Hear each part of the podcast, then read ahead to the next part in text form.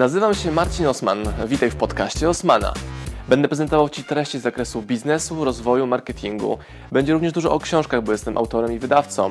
Celem mojego podcastu jest to, żebyś zdobywał praktyczną wiedzę. A zatem słuchaj i działaj.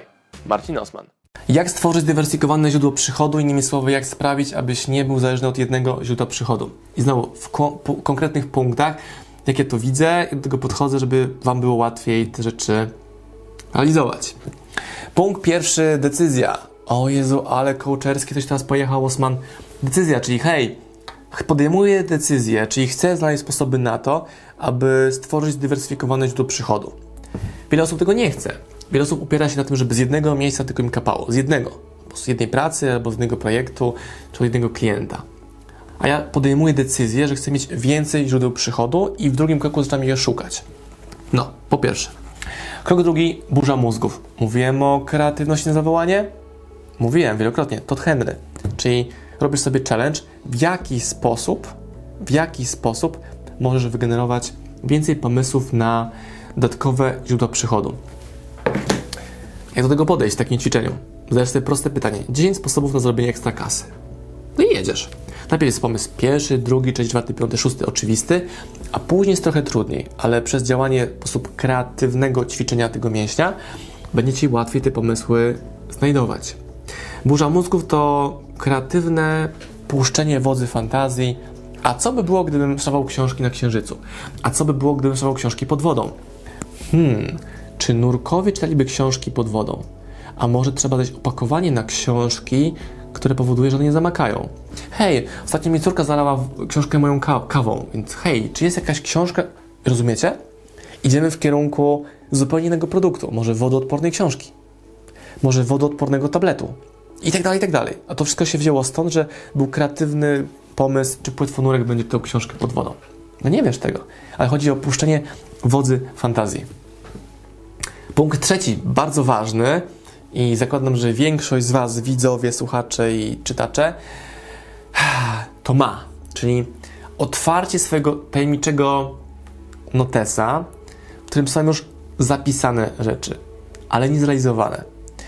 Znam ludzi, którzy dopiero w pandemii tej pierwszej, będzie druga, trzecia, może piętnasta, może to się nigdy nie skończy, mieli zapisane w swoim notatniku napisać książkę. No i napisali ją. Dali e-booka. Nauczyli się gotować, grać na mandolinie albo na harfie. Brrr, na harfie. Nauczyli się tego, co mieli zapisane w tym notatniku. Czyli trzeba sięgnąć do tych zasobów, które są już skrywane w notatniku, w telefonie, w jakiejś tam karteczce z tyłu głowy, że może to właśnie jest czas na to, żeby teraz to odpalić. Zawsze marzyłem o tym, żeby oprócz posiadania sklepu stacjonarnego mieć sklep internetowy, albo że mieć e-booka o czymś tam, albo zawsze chciałem ten taki gadżet dla psów, który wykonałem, sprzedawać, albo marzyłem o własnej herbacie, albo co by było, gdybym zaczął produkować ciuchy, albo kurczę, może bym na Amazonie coś sprzedał, albo na Allegro, jakiś gratis piwnicy i tak dalej, i tak dalej. To są te rzeczy, które są początkiem tego nowego strumienia przychodów. Przychód z nie mojej pracy, czyli ja uważam, że pieniądze zarobione przez kogoś innego dla mnie są znacznie bardziej wartościowe niż pieniądze zarobione przeze mnie. No bo zarobienie przez kogoś dla mnie zakłada podział procentu, a zarobione przeze mnie zakłada, mam większy procent, ale muszę w to włożyć czas, energię i zaangażowanie. Chodzi głównie o czas, no bo energia, zaangażowanie spoko, ale czasu mam mniej, bo chcę go spędzić z córką, więc wybieram. Czyli wolę uruchomić nowe partnerstwa i tam włożyć swoją wiedzę mentoringową, pieniądze, kontakty, know-how i otrzymać część procent z tego biznesu, a nie tworzyć od początku całego biznesu. Mimo tego, że wiem, jak to dokładnie zrobić, jak zrobić skalowalny, rozwijalny e-commerce, ale nie mam na to czasu, żeby od podstaw go budować. Może opcją taką jest również kupno czyichś biznesów. Może to być kupno e, biznesu znalezionego na szukaminwestora.com. Może to być sklep internetowy, który odkupujesz. To może być grupa, którą odkupu, odkupujesz. To może być konto, instagramowe, które odkupujesz. To może być e, czyjś e, skład w magazynie towaru, tego nie możesz sprzedać, a ty wiesz, jak go sprzedać. I tak dalej, i tak dalej. I wiecie co? W sumie robię każdą z tych rzeczy. Czy nie chodzi o wybór jednej, ale każdą z tych rzeczy możesz realizować. Może inne formaty jako dodatkowa kategoria. Czyli na przykład w OSM Power powstały inne formaty książek, jakimi są e-booki, audiobooki, uwaga reklama, digital.osmpower.pl, polecam wejść, digital, digital.osmpower.pl, gdzie robimy dokładnie to samo, ale na innej platformie w subdomenie i sprzedajemy tam e-booki, audiobooki, czyli cyfrowe wersje książek. Gdyby się okazało, że jutro przestają jeździć kurierzy, spalił się nasz magazyn, drukarnie drukują, bo okazuje się, że rząd powiedział, że papier na książki to nie można teraz, no to cała moja maszyna marketingowo-promocyjna przekierowuje uwagę na digital.osmpower.pl i to jest nasz główny case biznesowy, nie? czyli jestem niezależny od fizycznych produktów, bo mamy wirtualne na innej platformie, u innego dostawcy itd., tak itd. Dywersyfikacja, słowo klucz.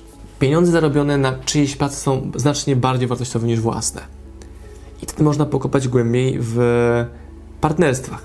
Przed Myśmy z całą ofertą OSM Power na ebookpoint.pl, na Storytelu, na Audiotece, a teraz naszych produktów tam nie ma, bo wyłączyliśmy tam ofertę, tworząc własną platformę, mając większe możliwości marketingowe, które już udowodniły w tym tygodniu, że znacznie więcej pieniędzy zarobimy jako firma własnym kanale sprzedaży niż bycie partnerem gdzieś, powoduje, że ten strumień przychodu jest nowy, ale z własnego źródła, co jeszcze jest fajniejsze.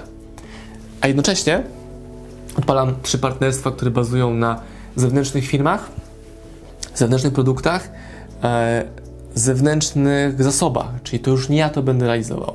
I to jest mega duża magia w podejściu do dywersyfikowania źródła przychodu. No założenie, że jeżeli masz jednego klienta, który daje Ci 60-80% przychodu i masz tak tylko kilku maleńkich, to jak to się wypierdzieli, to jesteś w dupie. Nieważne jak dużo marży tutaj masz, bo się wywalisz. I to jest błąd, jaki popełniłem lat temu już, muszę jakieś to policzyć, z 12 lat temu, 11, że miałem dużego klienta, który robił właśnie 60-70% przychodu. Gdy on się uciął, zniknął, no to masz duże koszty, małych klientów i tutaj coś nie działa. Trzeba było zdywersyfikować to. Dzielić to na trzy kategorie klientów.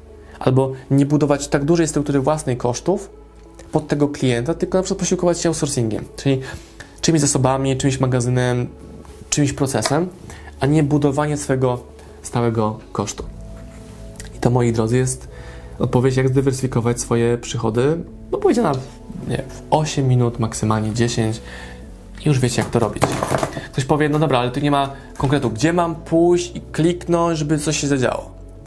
To są proste odpowiedzi. Jak klikną Ci te założenia, o których tu mówiłem na e, tej części, bo tu musi mentalnie najpierw kliknąć, czyli dobra, jak to poukładać, jaki jest plan, jaki jest kierunek, ok, wiem i teraz mogę pójść w kierunku konkretnych e, realizacji.